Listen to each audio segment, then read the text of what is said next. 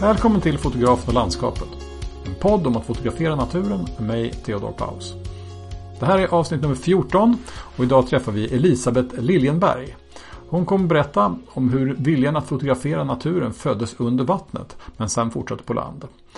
Hon kommer berätta vad en kreativ bild är för henne och hur det är att leva i en relation med två naturfotografer. Och om hur hon alltid hittar i skogen men går vilse i stan. När jag spelar in det här förpratet är det söndag och jag har varit ute tidigare idag och fotograferat själv. Som jag nämnt tidigare har jag påbörjat ett projekt där jag tar väldigt lokala bilder. Tanken är att fotografera bara ett par minuters promenad från mitt hem.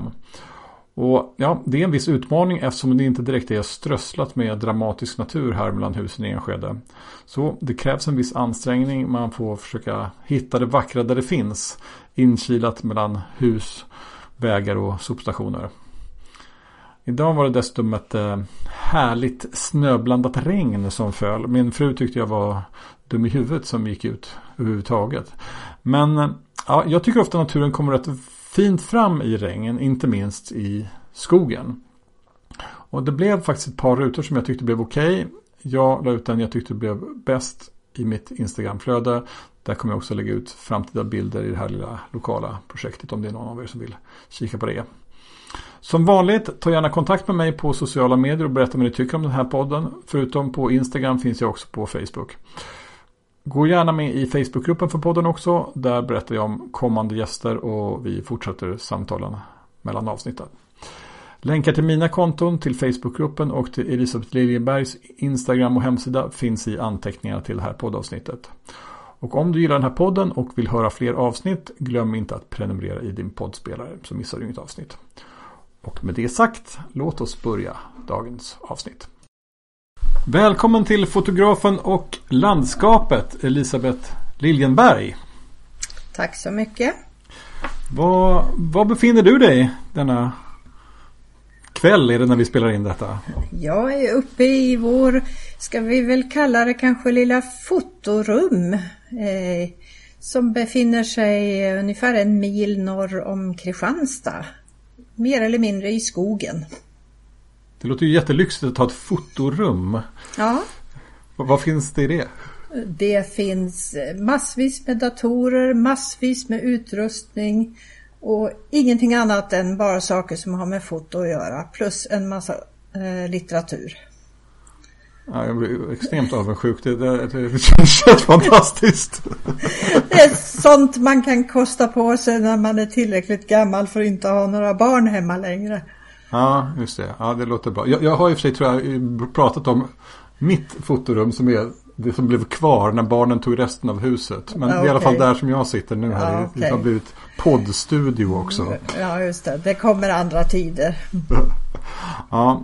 Eh, vi känner inte varandra sedan tidigare men jag har ju sett dina bilder och vi har pratats vid eh, lite grann eh, innan det här avsnittet också. Eh, men kan inte du berätta för, för de som inte känner dig lite grann hur, ja vi vet var du bor men vi vet inte riktigt vad du håller på med och hur du började med, med naturfoto. Kan inte du berätta lite grann om dig själv? Jo visst. Eh, jag har alltid varit intresserad av natur. Det kom med min familj när jag var barn. Vi var alltid ute någonstans i skogen eller stranden alla helger. Vi kampade hela sommaren. Eh, det var liksom naturen som gällde. Så där tror jag mitt grundläggande naturintresse föddes. Någonstans där. Och det har följt mig hela livet fast på kanske lite olika vis. När jag var som eh, mest uppe i det här intensiva yrkeslivet då betydde naturen för mig, det var eh, ska vi säga en, en helande funktion för mig. Ju mer stressad och så jag var desto mer klev jag ut i naturen i den mån jag kunde det har en lugnande och fin eh, inverkan på mig. Det är många som, som återkommer till det där just. Liksom, det, det, det, jag kan köra, absolut känna igen mig i det själv. Liksom, hur på något sätt mm, ja, hur, hur, naturen blir på något sätt liksom en, eh, en en väg Ja, det är en in i något annat liksom. Ja, bort från det- det som stressar liksom. Ja, det är en ventil. Eh, för att lugna tankar, för att samla tankar. För att komma ur kanske negativa idéer.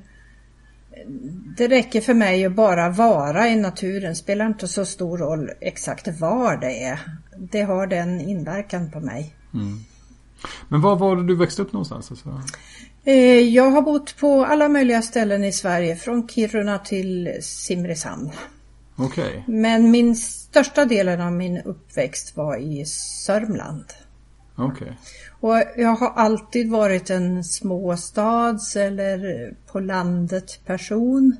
Jag trivs inte alls i storstäder. Det är ingenting för mig. Det gör mig jättestressad. Ja. Så det undviker jag i mesta möjliga mån. Ja. Okej, ja. ja. Det kan jag känna igen mig också. Fast jag bor ju i en storstad i och för sig. Ja, så ja. jag har väl valt det där. Men, Ja. Nej, det har jag valt bort om man säger så, så i den mån det har gått. Så när som på perioder när man har studerat eller så. Just det. Men för, för du, du hade liksom aldrig mm, som foto som ett yrkes... Eh, det har varit ett fritidsintresse för dig? Och, och, Ja, Ja. det har det varit och det har växt fram. Jag kan säga när jag var i tonåren, ända upp till ung vuxen, så var det eh, alltså konst för mig, måleri på eget, eget måleri också. Just det. Jag växte upp i en familj med en mamma som var konstnär hela livet. Och jag har liksom växt upp med det och runt omkring mig, alltid. Eh, sen kom det där med familj och barn och allt det där du vet emellan. Så Ja. det hä- hände inte så mycket på den fronten på ganska länge. På, på eh, kul, eh, målerifronten? Ja, måleri eller foto eller man säger bildkonst överhuvudtaget. Ja. hände inte så mycket på ganska länge. Men sen började jag snorkla och dyka någonstans runt 90-talet, någonting sånt. Slutet på 80-talet, början på 90-talet. Och då upptäckte jag fantastiska världar. ja. Berätta. Ja, jag kan nog säga att det finns en specie ett speciellt tillfälle som gjorde att jag började fotografera. Eh, och jag var och snorklade tillsammans med några andra runt Kullaberg, du vet nere i Skåne. Absolut. Eh, och kommer till ett ställe under vattnet där det är två gigantiskt stora klippor, ganska trång som en canyon nästan. Och ljuset, solljuset kommer ner i, i den här canyonen och hela den canyonen är fylld med eh, maneter. Mhm. Och det ser ut som en stjärnhimmel, som galaxer och stjärnor och så vidare i det här. Jag har den bilden fortfarande i huvudet fast det är 30 år sedan. Och när jag kom upp från den där snorkelturen så direkt nästan, jag måste ha en kamera. Ja.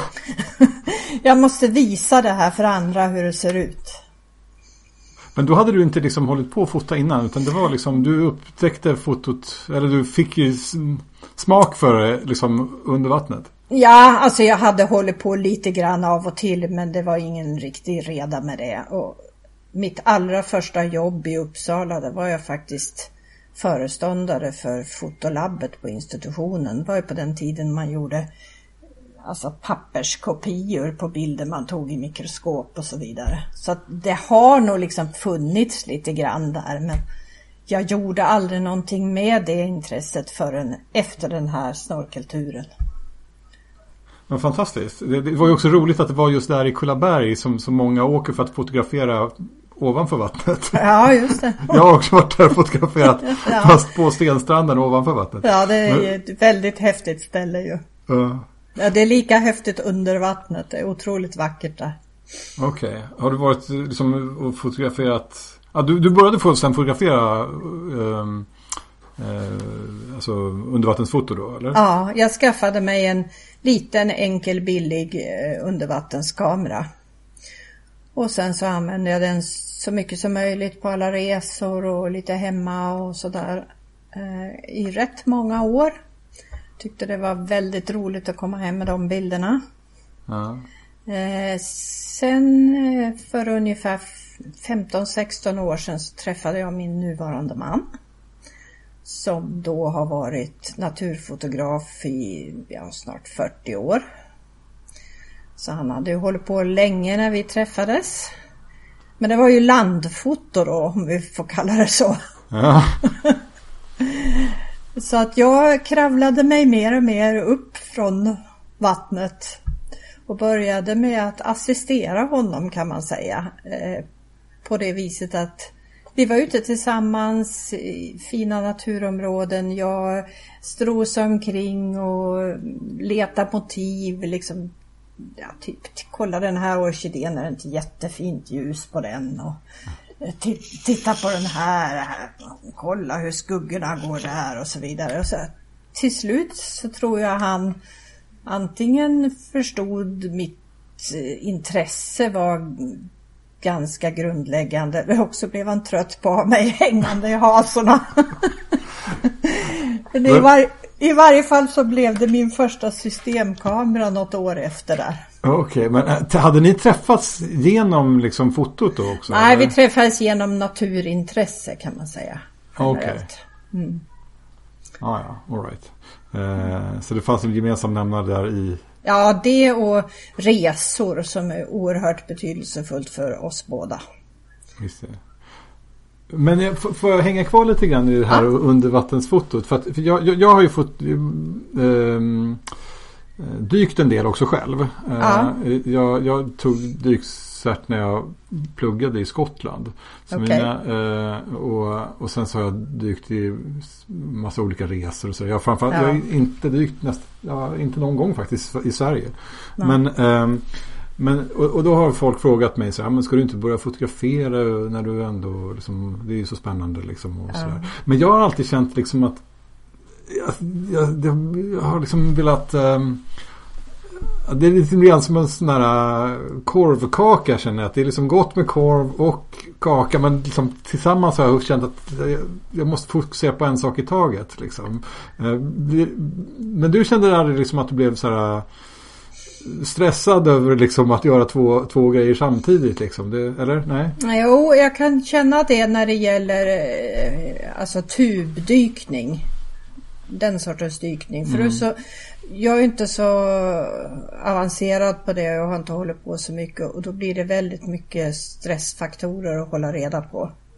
Men däremot om jag snorklar, då kan jag ligga som en planka i vattnet och flyta i timmar och då är jag i en helt annan värld. Ja, jag, jag, glömmer bort tid och rum och vad jag är och allting timmarna går alltså. Jag är en, i den där världen och då är det inte något problem för mig att kombinera det med foto. Ja, just det. det. det. kan jag förstå. Jag har ju framförallt dykt med tuber då. Tanken liksom att hålla sig liksom neutralt. Liksom, uh, vad heter det? ha neutral flytkraft liksom och vara ja. på samma ställe och tänka på en komposition. Och ja, så ska du jag blir stressad av att bara tänka på det. Ja, så är det för mig också. Så nu när jag är så här pass gammal som jag är nu då har jag släppt dykningen helt och hållet och bara behållit snorklingen. Okej. Okay. Mm.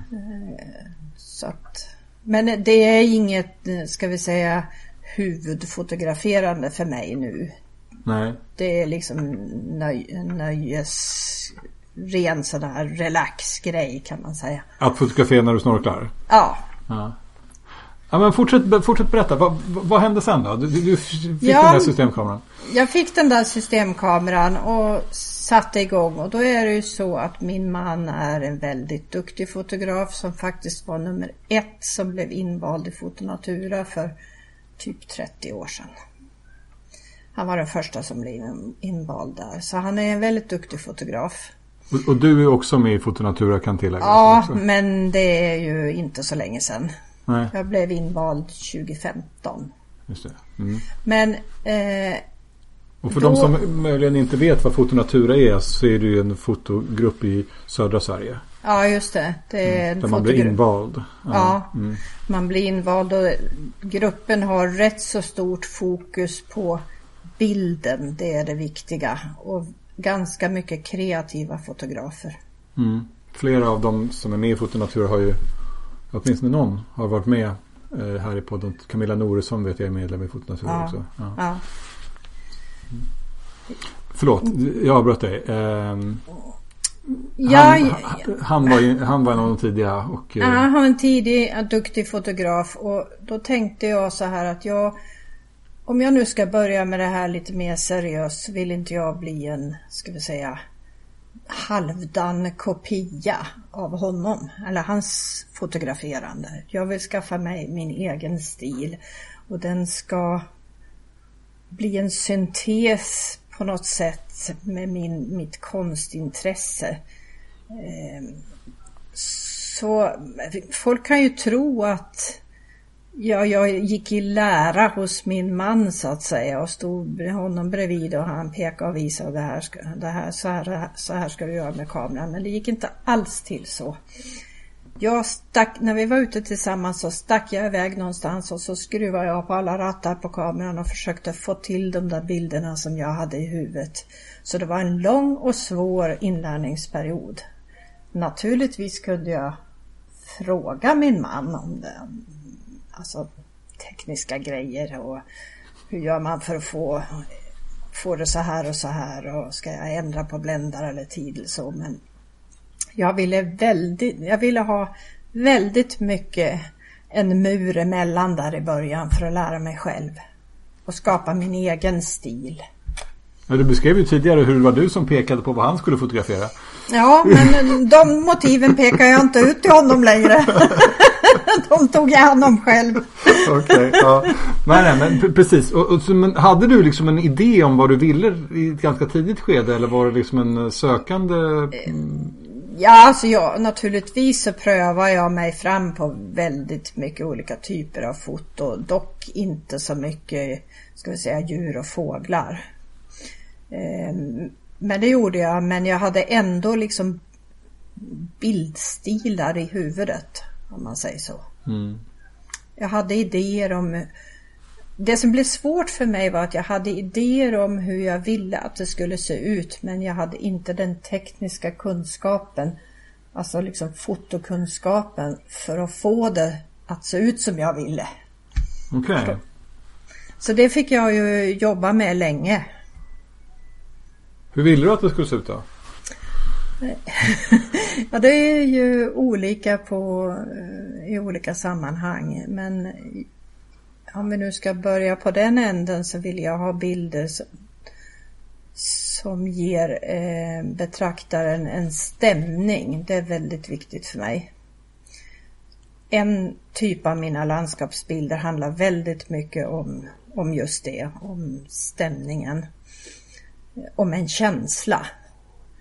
Eh, Sen har jag en annan typ av landskapsbilder som jag kallar sparsmakade som är mer åt det så att säga, abstrakta hållet. Mm. Så att de, de där två jobbar jag med parallellt kan man säga. Just det. Och, och var det liksom, fanns det den tanken lite grann redan i ett tidigt skede? Det låter lite grann så. Ja, det gjorde det men det var svårt för mig rent tekniskt att komma dit så att säga. Ehm, så att jag fick jobba mycket på det. Och sen hade jag en annan sån här idé för mig. För läser man om tips till eh, nybörjarfotografer så säger man ofta att ja, men titta på oerhört mycket bilder. Bläddra i fotoböcker, bläddra i, gå på utställningar, titta på mycket verk. Och vi har hela huset fullt med, med fotoböcker. Och jag öppnade icke en enda sån. Mm. Därför att det var samma sak där. Jag ville inte bli påverkad eh, av andra. Jag ville skaffa mig en egen stil. Ja. Eh, Så det är inte förrän ska säga, senare år som jag har börjat titta på andra fotografers verk. Det gjorde jag inte alls i början. Var kommer inspirationen ifrån då? då? Är liksom, man måste ju, idéer kommer ju inte i huvudet bara pang från ingenstans. De, man plockar ju ändå upp någonting någonstans ifrån. Liksom. Mm. Jag tror för mig så kom det rätt så mycket från konsten. Ja. Men också från liksom, eh, ja hur ska man uttrycka det? Den här eh, myckna känslan i naturen eftersom jag alltid har varit ute så mycket i naturen. Så liksom hade jag nästan bilder i huvudet som jag på något sätt ville få med mig i kameran. Ja, precis. Det verkar ju som det, det, blev en bild i ditt huvud liksom när du var där i Kullaberg och såg de där Ja, det blev det. Fick du till den där bilden? Nej, det fick jag aldrig. Därför att det, det, är som det så ofta är med naturfoto. Det var där och då. Det är ljuset och de maneterna och de förhållandena. Det går ja. aldrig att återskapa det igen. Mm. Och jag har, jag har sett något lite liknande en gång i Thailand fast då var det små fiskar istället för de där maneterna. Men det blev inte riktigt samma sak. Nej. Men du det här med, det här med, eh, eh, med konsten. För att, kan, kan du inte utveckla lite mer om det? För att det, det, det verkar som att det varit en drivande bit i, i liksom, att du började måla tidigare och hade ett intresse för konst. Liksom. Vad, kan du inte berätta lite mer om det? Jo, det intresset har jag nog haft sedan, ja, inte vet jag, kanske 8-10 års åldern. Eh, och ett tag tänkte jag faktiskt som ung vuxen när jag gick i gymnasiet bli konservator. Men på den tiden på 60-talet så var det inte så lätt att bli det. fanns inga sådana utbildningar i Sverige. Och inget utbyte på det sätt som det gör nu för tiden med andra universitet och så vidare. Så det mm. blev inte så. Men det där konstintresset har jag behållit alltid. Och jag har ingen formell konstutbildning mer än alltså, enstaka småkurser och workshops och ja, det har jag studerat på egen hand. Vad är det du har målat då? Och vad är det för typ av konst du har varit intresserad av? Eh, det är nog mycket landskap och mycket åt det abstrakta hållet. Och det, det, det är den moderna konsten som ligger mig mest varmt om hjärtat. Modern alltså ska... landskapskonst? Ja, modern konst överhuvudtaget. Mm. Alltså från sig 1850 och framåt. Mm. Uh, och jag har ju liksom de här bilderna finns ju med mig i huvudet. Uh, och ibland så försöker jag få till en viss stil lite grann på mina bilder som på något sätt blir någon syntes mellan den här bilden, jag, det här motivet jag ser i naturen och någon viss stil liksom på bild. Mm. Det är svårt att förklara det här men alltså konsten är alltid med mig. Ja. Och, och, och, det låter ju också på, när du beskriver det här som att du hade liksom någon slags ganska tydlig idé liksom, om hur du ville att dina bilder skulle se ut. Liksom innan du liksom visste hur du tekniskt skulle få till det. Och sen så ja. fick du jobba på Fick du jobba på tekniken liksom och, och, och sen så fick du till det? Ja, li, lite mer vart efter tiden går naturligtvis. Mm. Vad var det för teknik som du behövde lära dig liksom, för att få till effekten på det sätt som du ville?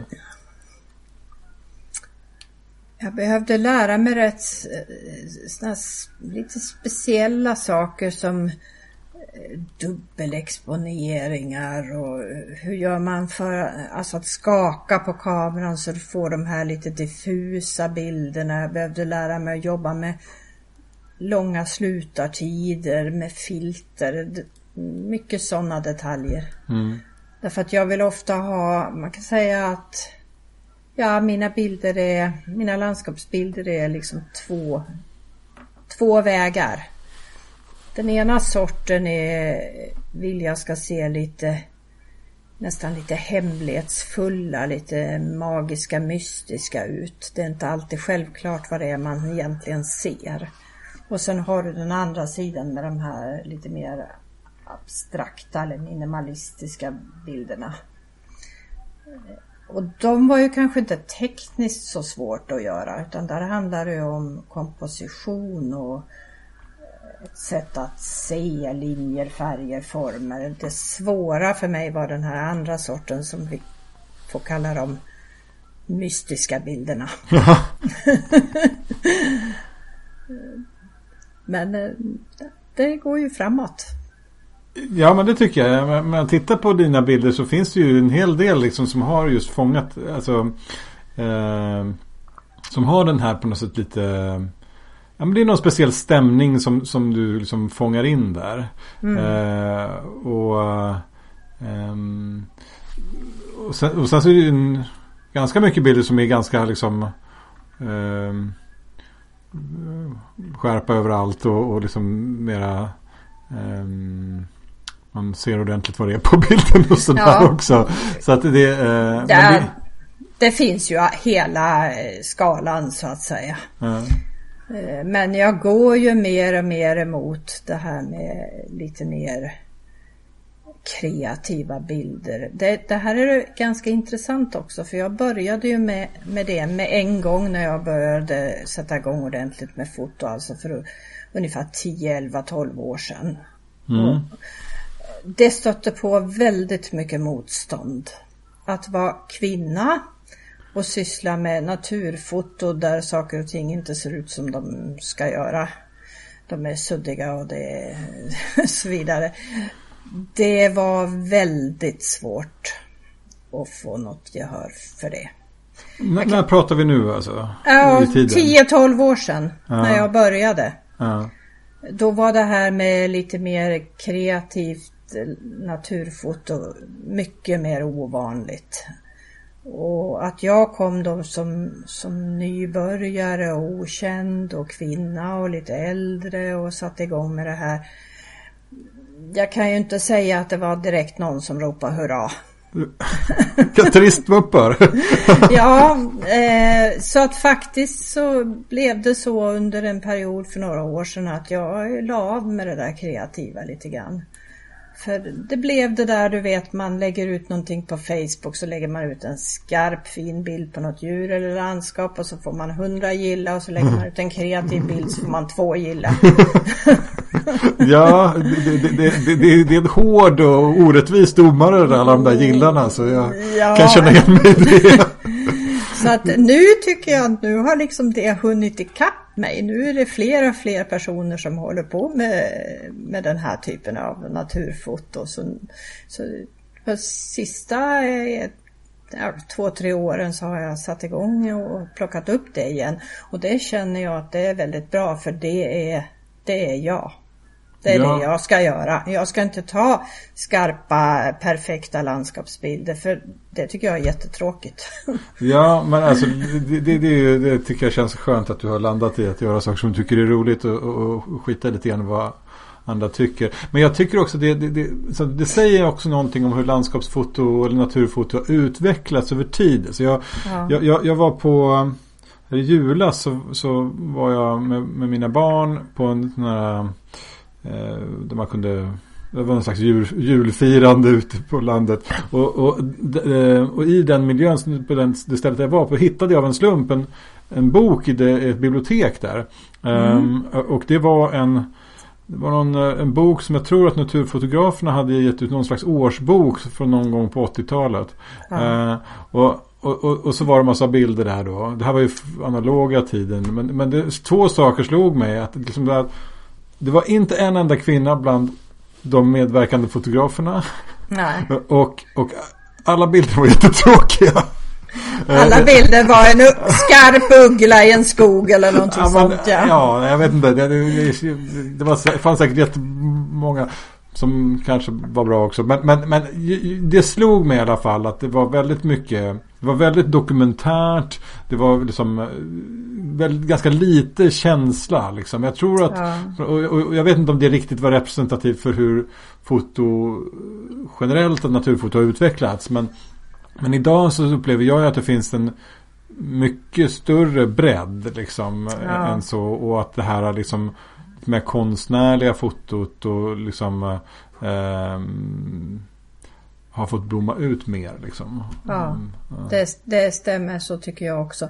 Jag brukar faktiskt jämföra det här med utvecklingen i konsten, alltså må, målerikonsten. Okay. Där hade vi ett realistiskt, ända in på minsta lilla detalj fram till ungefär någon gång i början på 1800-talet, mitten på 1800-talet. Om du tänker på sådana här Rembrandt och sånt, du kan se varenda minsta lilla eh, veck i någon klädedräkt eller så. Ja. Sen hände det någonting. Det hände ju samtidigt med industrialiseringen. Ja. Eh, och det, det, här behöver vi ju inte gå in på så väldigt mycket men eh, och sen kom man till att börja testa alla de här ismerna. Allting. Impressionism, expressionism, minimalism, bla bla bla.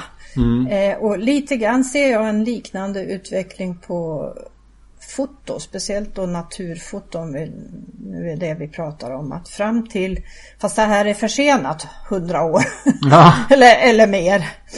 Ända fram till kanske 80-90-talet så var det realistiska fotograferandet som var förhärskande. Ja. Och det är först på senare år som vi har börjat komma över i ett annat tänk på naturfoto, vad jag kan se i alla fall. Men hänger inte det där kanske också lite grann ihop med att det har blivit fler fotografer? Eh, att liksom så här, digitaltekniken har gjort att liksom foto blivit tillgängligt för fler och att det är kanske fler människor som kommer in i foto med lite andra, eh, andra idéer liksom. Och... Ja, det tror jag. Man kan också se det som att för 20, 30, 40 år sedan så var naturfoto var, som du säger, det var svårtillgängligt. Det var tekniskt svårt, det var dyrt. Få människor som hade möjlighet att syssla med det. Eh, folk reste inte lika mycket som man gör nu. Nej. Eh, det var också, jag menar sen dess så kan ju vi se på naturfilmer på tv hur mycket som helst nästan dygnet runt det har ju utvecklats så enormt så det är inte lika, har inte lika mycket nyhetens behag att se en elefant nu som det hade för 40-50 år sedan. Nej. Man måste liksom göra något annat och det är nog inte bara jag som letar efter en egen stil. Det tror jag många gör. Nej, det har ju varit ett återkommande tema också kan man säga bland gästerna i den här podden. Liksom på något sätt viljan att vara unik. Liksom ja. På något sätt hitta något och det blir svårare och svårare för det finns fler och fler duktiga naturfotografer. Ja, precis. Man får, man får jobba hårdare. Ja, det, det kanske för några decennier sedan så kunde du kanske gå ut och fotografera någon fågel eller någonting och vara ganska ensam om det. Det går inte längre. Mm. Men sen kan man ju fråga sig varför för vem fotograferar man eller jag? Är det för andra personer eller är det för mig eller för vem är det? Vem, vem ja, jag ja, vad har du kommit fram till där? Ja, till hälften så är det för min egen skull därför att jag tycker att det är roligt att utveckla mitt fotograferande, mitt, mitt ska säga, bildkunnande, min bildskicklighet om du så vill kalla det. Eh, det är en eh, pågående process hela tiden att bli duktigare och duktigare och åstadkomma bättre och bättre bilder. Men jag tycker också att det är väldigt roligt att visa mina bilder för andra. Mm. Ibland tänker jag det att ja, här håller jag på så många timmar i veckan med det här. Både inne och ute. Och hela datorn är full med bilder. Vem ser det? Vem uppskattar det? Ja, min man då, men vem bryr sig om det? Ja. Det, det kan man ju fråga sig. Jo men eh, du visar ju upp dem i lite olika sammanhang också. Så det, det, är inte så att du bara håller dem helt för dig själv och din man. Nej, det är därför, mm. jag, därför jag tycker att det är roligt att visa upp mina bilder också i olika sammanhang. Därför att jag tror inte jag skulle känna mig nöjd med att bara sitta och samla mina bilder för mig själv på kammaren. Nej. Eh, för jag har ett behov av också att visa den här fantastiska naturen vi har överallt.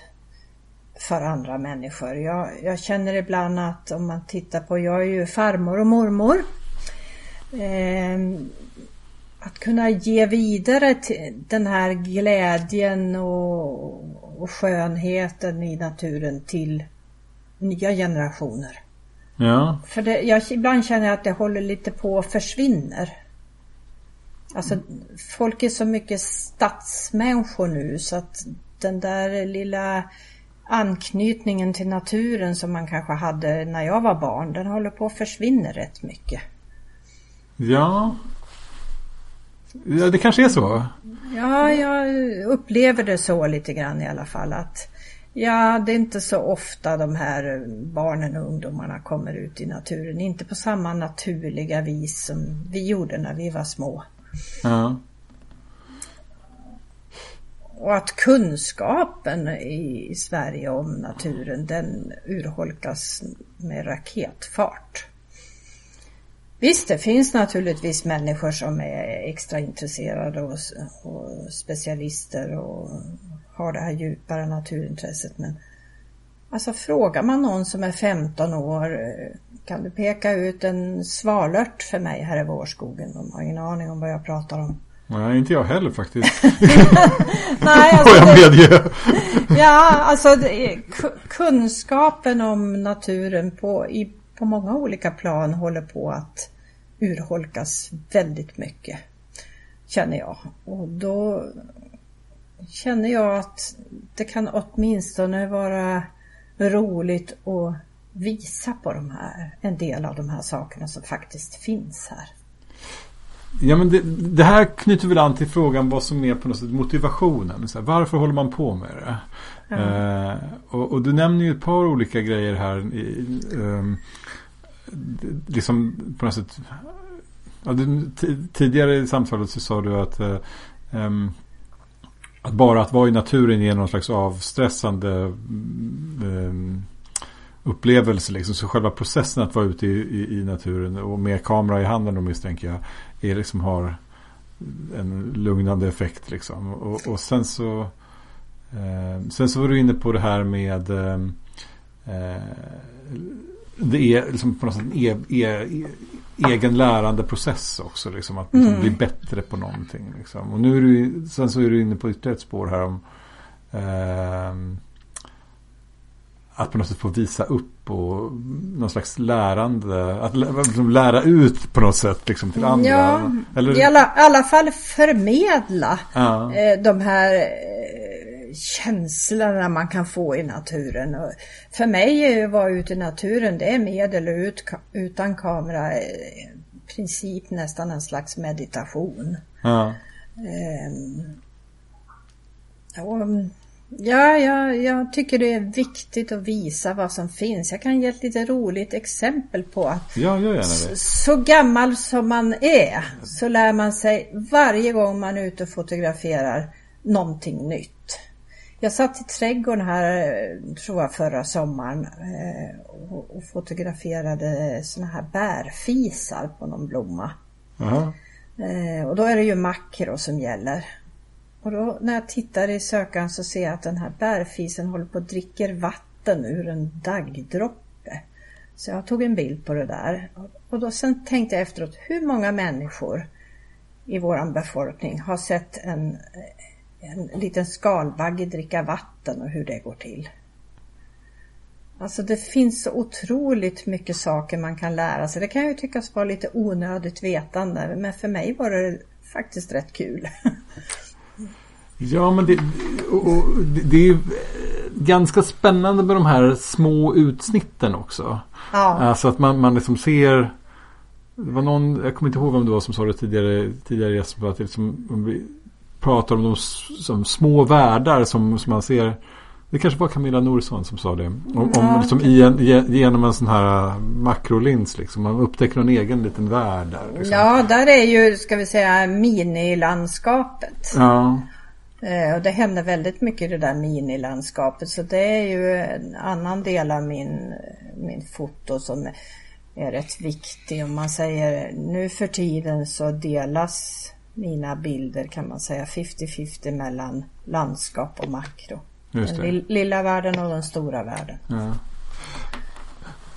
Men, eh, men det finns ju massor med sådana där små, oavsett om det är det lilla eller det stora, där man på något sätt kan säga att det här hade jag aldrig fått uppleva om jag inte hade gått ut. Den- Den känslan kan jag relatera väldigt mycket till. Att liksom, Ja, för, för jag har ju aldrig varit en naturmänniska egentligen. Jag, jag, jag har liksom börjat med naturen när jag började med foto. okej. Eh, och en, men, men, men så att, så det, det har kommit för mig och det kommer senare. Liksom. Men jag kan Ja. mycket, relatera mycket till, till, till det som du beskriver. Liksom, att, liksom, om jag inte hade varit ute och försökt ta den här bilden.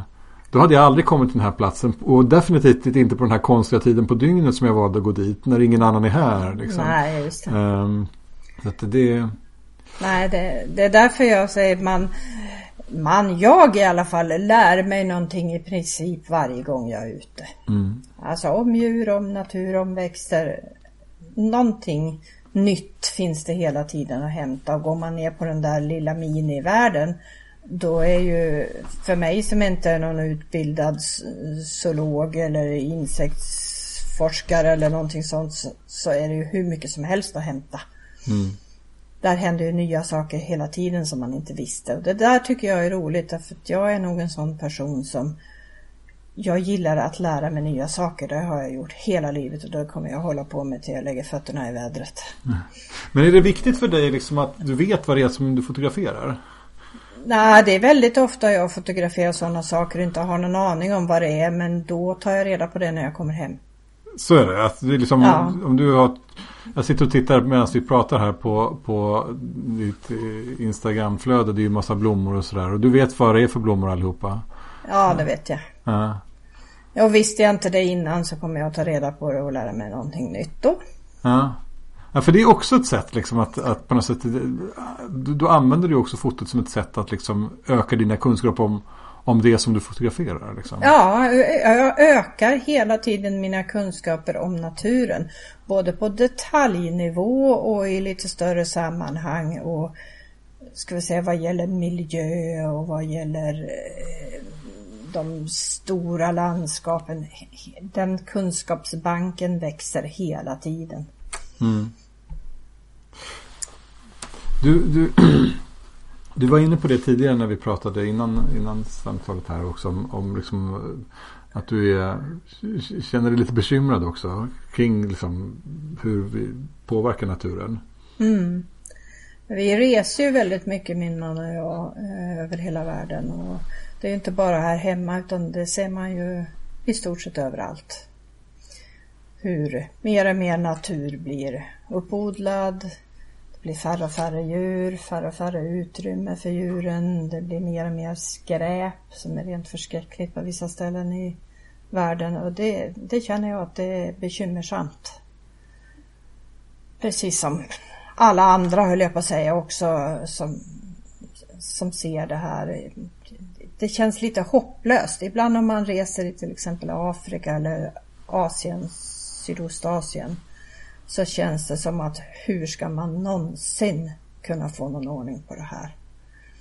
Det kan jag ibland eh, känna att det är lite jobbigt. Och det är så lite man som själv, själv som individ kan göra. Mm. Ja, det, det kan ju vara en känsla av maktlöshet liksom, kring eh, Ja. naturförstöring i största allmänhet. Liksom, och, Ja, jag menar åk på Borneo och titta, det finns snart ingenting kvar där utom oljepalmer. Det, Är det så? Ja, det är så. Eller det är att snorkla på ett korallrev och du ser att eh, 50 procent av korallerna är döda. Det, det liksom är i alla möjliga sammanhang. Det är inte faktiskt mindre här hemma känns det som än vad det är på många andra ställen i världen. att, att, att det är mindre eller att det inte är mindre? Jo, det är min... Jag upplever det som att det är mindre illa här hemma än på många andra ställen. Jo, precis. Ja. Men har det där påverkat liksom hur du fotar också? Ja, på det, på det sättet att jag skulle ju aldrig få för mig att fota en sån här oljepalmsodling. Det kanske jag borde göra, men det gör jag inte för jag tycker den är så ful. Ah, ja. Okej. Eh, Nej, Då, då kommer man ju in på det här, ska man fota saker som är fula och nerskräpade och, och ja, förstörda på olika sätt. Ska man fota kalhyggen och skräpiga parkeringsplatser och sånt där, eller ska man inte? Ja, jo. Eh, alltså jag gör inte det. Eh, därför att jag mår inte bra av att se de bilderna. Nej. Det är ju också lite grann att stoppa huvudet i sanden men Ja, jag vill inte se eländet. nej, nej, nej, det, det, har jag all förståelse för. Jag tänkte mer liksom om det på något sätt har, har eh, det som du väljer att fotografera, liksom, tar mm. du bilder av det på något annat sätt med kunskapen liksom, av det, liksom, den förstörelse som du har sett?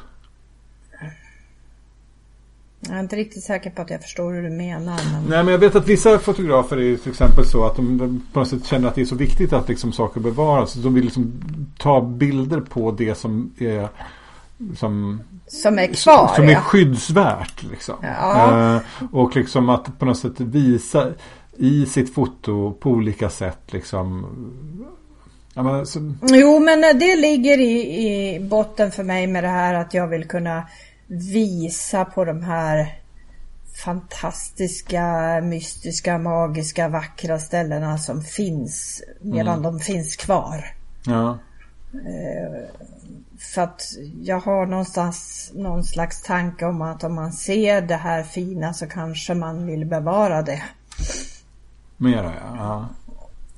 Så att eh, jo men det gör jag nog men inte så att jag jobbar i något bevarande projekt eller så. Det, det gör jag inte.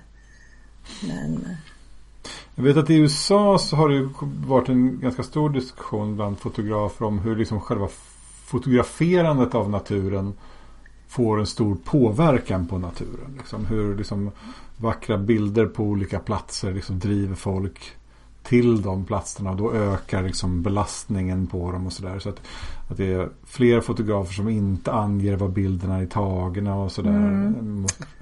Jo, det känner jag igen också. Eh, vi kan ta Island som ett exempel. Ja. Första gången jag var på Island, det var 1995. Då, det var i och för sig före jag var en aktiv fotograf men då var det inte många turister Nej. där. Kampade i lavan liksom i två veckor. Eh, vi var ganska ensamma där. Nu var jag på Island för ganska precis ett år sedan. Det var så mycket folk så det gick inte att ens ta en ren bild om du säger så på någon av de här klassiska motiven. Nej. Och det blir väldigt nedtrampat och lite förstört sådär ja. känner jag. Så att jag har blivit faktiskt lite sån att eh, jag inte så gärna alltid talar om exakt var jag har varit och fotat någonstans.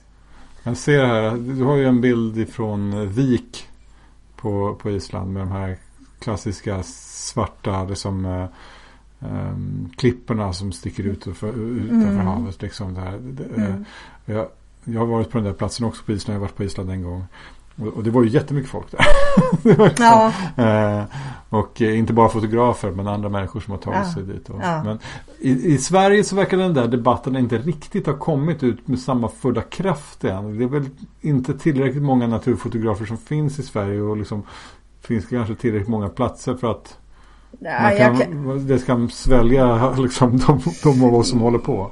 Ja, vi är ju ganska glest befolkade mm. så att säga. Men det finns lite här också. Det finns jag menar jag bor ganska nära Söderåsen som är, det går fotokurser och fotoresor och jag vet, mm. allt, vet inte allt till det området. Ja. Eh, det har blivit så, jag har bott så att jag har haft tillgång till det de senaste 20 åren. Jag fotar inte inte gärna där längre för jag anser att det är utfotograferat.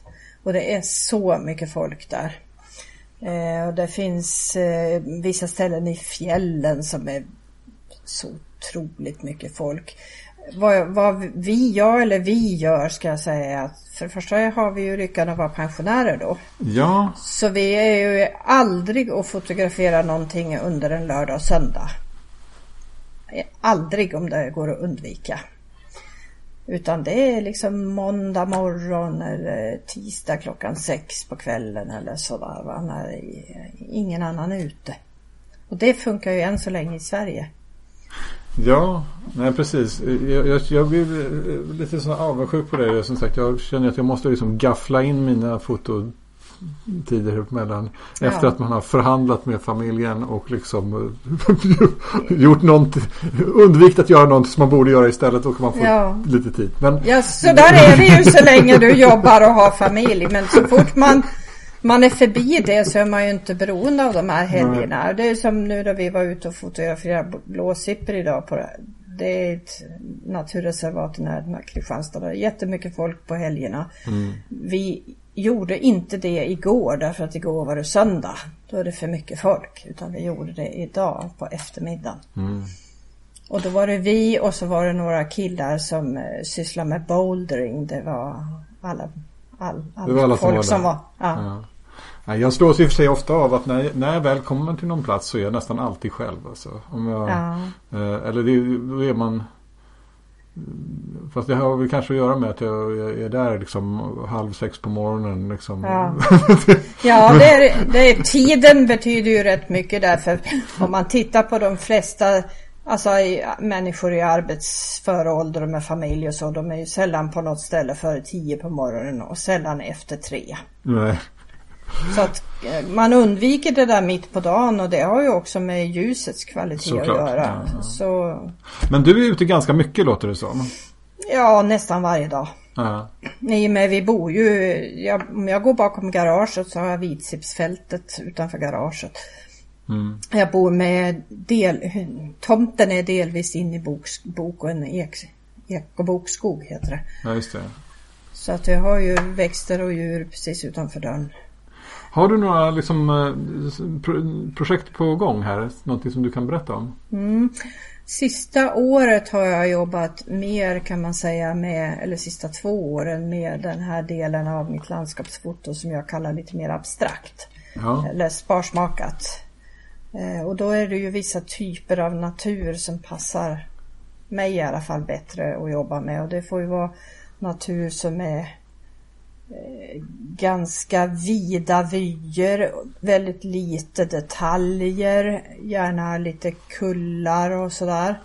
Eh, det kan vara om du tänker dig typexempel öknar, eh, sådana här jordbrukslandskap som du har i södra Europa. Ja. Det kan vara snöfält uppe i fjällen. Ja, det jag letar efter är linjer, färgfält och strukturer. Ja. Eh, så att eh, det just nu jobbar på jobbar vi på ett sådant projekt med en viss naturtyp men jag vill inte säga mer om det. Ah. Cliffhanger. Cliffhanger ja. Men, eh, Men då jobbar ni tillsammans alltså? Det... Ja, Så nu har ni börjat med det? Ja, det, det, vi åker ju till samma ställen. Vi reser ju väldigt mycket. Vi åker till samma ställen. Men i regel så blir det så att när vi kommer till en plats och parkerar där så går vi på varsitt håll. Ja. Så vi kommer inte hem med särskilt många likadana bilder. Okej. Och Men det, nu tycker jag, det tycker jag är lite intressant att man kan vara på en väldigt liten yta och komma hem med väldigt olika bilder. Ja men det är ju jättekul. Det, det, det där kan jag också relatera till när man har varit med andra. Och så, så fotograferar alla på samma ställe och allas bilder ser olika ut. Ja. Då undrar man hur, just det, det där fångade ditt öga liksom. Ja. Ja. Ja, men då får vi liksom, får du återkomma om vad det är för några spännande grejer som du har i, Ja. i, på gång där då. Men det, det är sådana här lite abstrakta landskap. Det jag gjorde sist här nu var för, för en månad sedan ungefär. Då åkte vi till Lanzarote och fotograferade vulkanlandskap. Det är knappt ett grönt strå på de bilderna. Det är bara olika färgfält med lava och strukturer och sånt. Jag såg de bilderna, det var jättefint. Det var, ja, ehm. Du, vi börjar så sakteliga närma oss eh, slutet på det här. Jag har några eh, frågor som jag skulle vilja ställa. Eh, och en är om du har några bra tips till andra fotografer och kanske framförallt för människor som börjar med naturfoto. Okej, ja. Det, jag återknyter till mig själv. Försök att hitta en, en egen stil, en eget sätt att fotografera och bry dig inte så mycket om vad som är inne just nu eller vad någon säger att du ska göra. Sen är det ju naturligtvis bra att lära sig grunderna innan man börjar experimentera. Men jag är nog mycket för det här med att skruva på rattarna på kameran och se vad som händer. Så här i efterhand, kan, var det en bra strategi det här med att liksom inte titta på så mycket andra bilder? Eller? Ja, det, för mig var det det, men jag, det kan ju vara annorlunda för någon annan som kanske blir väldigt inspirerad av att titta på andra. Men eh, för mig var det så att om jag tittar på andras bilder då fastnar liksom det där i huvudet och det är så lätt att tänka att ja men så där vill jag också göra. Därför är jag till exempel rätt så mycket motståndare till det här att man har i och för sig gått ifrån det nu det här att under ett naturfoto så står det vad du har använt för någon kamera och lins och inställningar hit och dit. Aha, ja. Jag anser att det är fullständigt meningslöst annat än i så fall för ren undervisning. Därför att du kan aldrig återskapa det ögonblicket exakt. Om någon annan går ut till samma ställe det blir aldrig likadant i alla fall. Nej. Mm. Nej, så att liksom försök hitta din egen stil. Alltså, ja. ja. Ja. Och utnyttja din närmiljö. För att jag tror att, nu är inte jag en stadsmänniska, men jag tror man kan hitta mycket i, i stort sett i vilken park som helst i en stad i Sverige. Så, så, så är det och jag, jag kan jag, jag, har ett eget litet projekt där jag ska försöka ta bilder just i min, min närmiljö. Men jag kan tänka att det är nog lite mer utmanande i vissa miljöer än i andra. Mm. Och har man ett vitsipperfält och massa bokskog runt om sig så kanske är Ja, ja, det... jag, jag känner mig lite avundsjuk där också kan jag säga. Ja, det, det, är lite lättare. och sen en, en sak som jag tycker är viktig att säga till någon som börjar fundera på naturfoto. Det är att Köp inte det allra dyraste och värsta jätteutrustningen med massvis med objektiv från början utan bygg upp det sakta men säkert. Mm. Tänk efter vad är det som du tror att du mest skulle vilja fotografera? Är det blommor? Är det djur? Är det landskap? Mm. För där någonstans ska du välja din utrustning. Just det. Börja med någonting ganska enkelt och bygga upp det och se vartåt det lutar. Precis. Um, har du också en annan fråga är Har du några fotografer som du tror skulle passa för kommande avsnitt av den här podden? Ja, det ska man nog kunna tänka mig. Känner du till Bente Egerdal? Jag, till namnet. Eh, men jag har inte sett eh, hennes bilder eller vet ingenting om henne egentligen. Jag vet att hon, jag, jag, tror om det är den Bente som jag tänker på så var hon på en resa till Lofoten nyligen. Ja, är det den det, Bente som det är, nog, det är nog den Bente. Det är i och för sig vanligt att åka till Lofoten men jag tror nog att det är den. Ja, okej. Okay, ja. Eh, och sen har du en kvinna som heter Mia Olofsdotter som bor i Alingsås. Just det. Och sen eh, har du ju förstås, jag vet inte om du redan har intervjuat honom, men Jan Peter Lahall. Nej, det har jag inte gjort. Men, mm, som jag anser är en av de bästa landskapsfotografer vi har och har haft i Sverige. Ja. Det vore roligt att höra honom få utveckla lite sina tankar. Sen har du en som är rätt så ny för mig som heter Leif Elisson som sysslar rätt så mycket med eh, stora höga berg. Okay. De stora vyerna i fjällen. Ja. Ett par av dem där är nämnda av tidigare och finns med på lite grann min lista över tänkta namn för framtiden. Mm. Och några nya. De, jag, tack för alla dina tips. Eh, mm. Och um, jag ska kolla upp Eh, I synnerhet de här för mig okända namnen. Ja, eh. jag tänkte höra med dig, gör du, gör du sådana här intervjuer på engelska också? Nej, det här är bara, eh, i den här podden så är samtalen bara med, i nuläget i alla fall, svenska fotografer. Tanken har ju varit lite grann att liksom göra de här, att det ska vara om bredden om, som landskapsfoto i Sverige. Och, eh, Ja. eh, men om du har någon tips på någon annan fotograf Ja. så får du gärna Jag har- det i alla fall. Jag har ett tips på en fotograf som är bosatt i Sverige och bor och lever här men han är än så länge mera engelsktalande än svensktalande. Jag Ska det, ska det vara en intervju så måste den vara på engelska Ah, jag. men vem är det då? Han heter Ian Smith Okej. och bor i Simrishamn som jag tycker är väldigt duktig. Vad fotograferar han? Eh, väldigt mycket kustlandskap. Han, han har en egen, han finns på Facebook och Insta och jag tror han har en egen hemsida också. Ja, jag får fundera på om jag ska ompröva min eh, policy. Jag har, har, men än så länge så har det varit på svenska och liksom eh, mm, fotografer liksom som ja, fotograferar andra platser kanske också men som på något sätt är att betrakta som, som svenska fotografer. Liksom. Mm. Så har det varit hittills i alla fall. Okej. Eh, men ehm, eh, ja, tack för dina tips. Eh, och eh, jag eh, hoppas att jag kan få veta vad de här... Jag blir jättenyfiken vad det är för något spännande projekt som, ni har, som du har i din hemlighet där. Men det kanske man får reda på vid ett senare tillfälle. Det kommer så småningom. Bra. Eh, Ja. Då får jag tacka dig för att du tog dig tid att vara med här. Ja, tack själv. Det var jättetrevligt.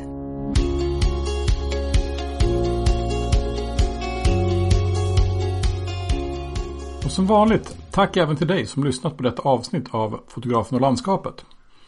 En sak som jag tänkte på efter samtalet med Elisabeth är detta med hur naturfoto tycks ha blivit bredare och mer inkluderande som konstform med åren.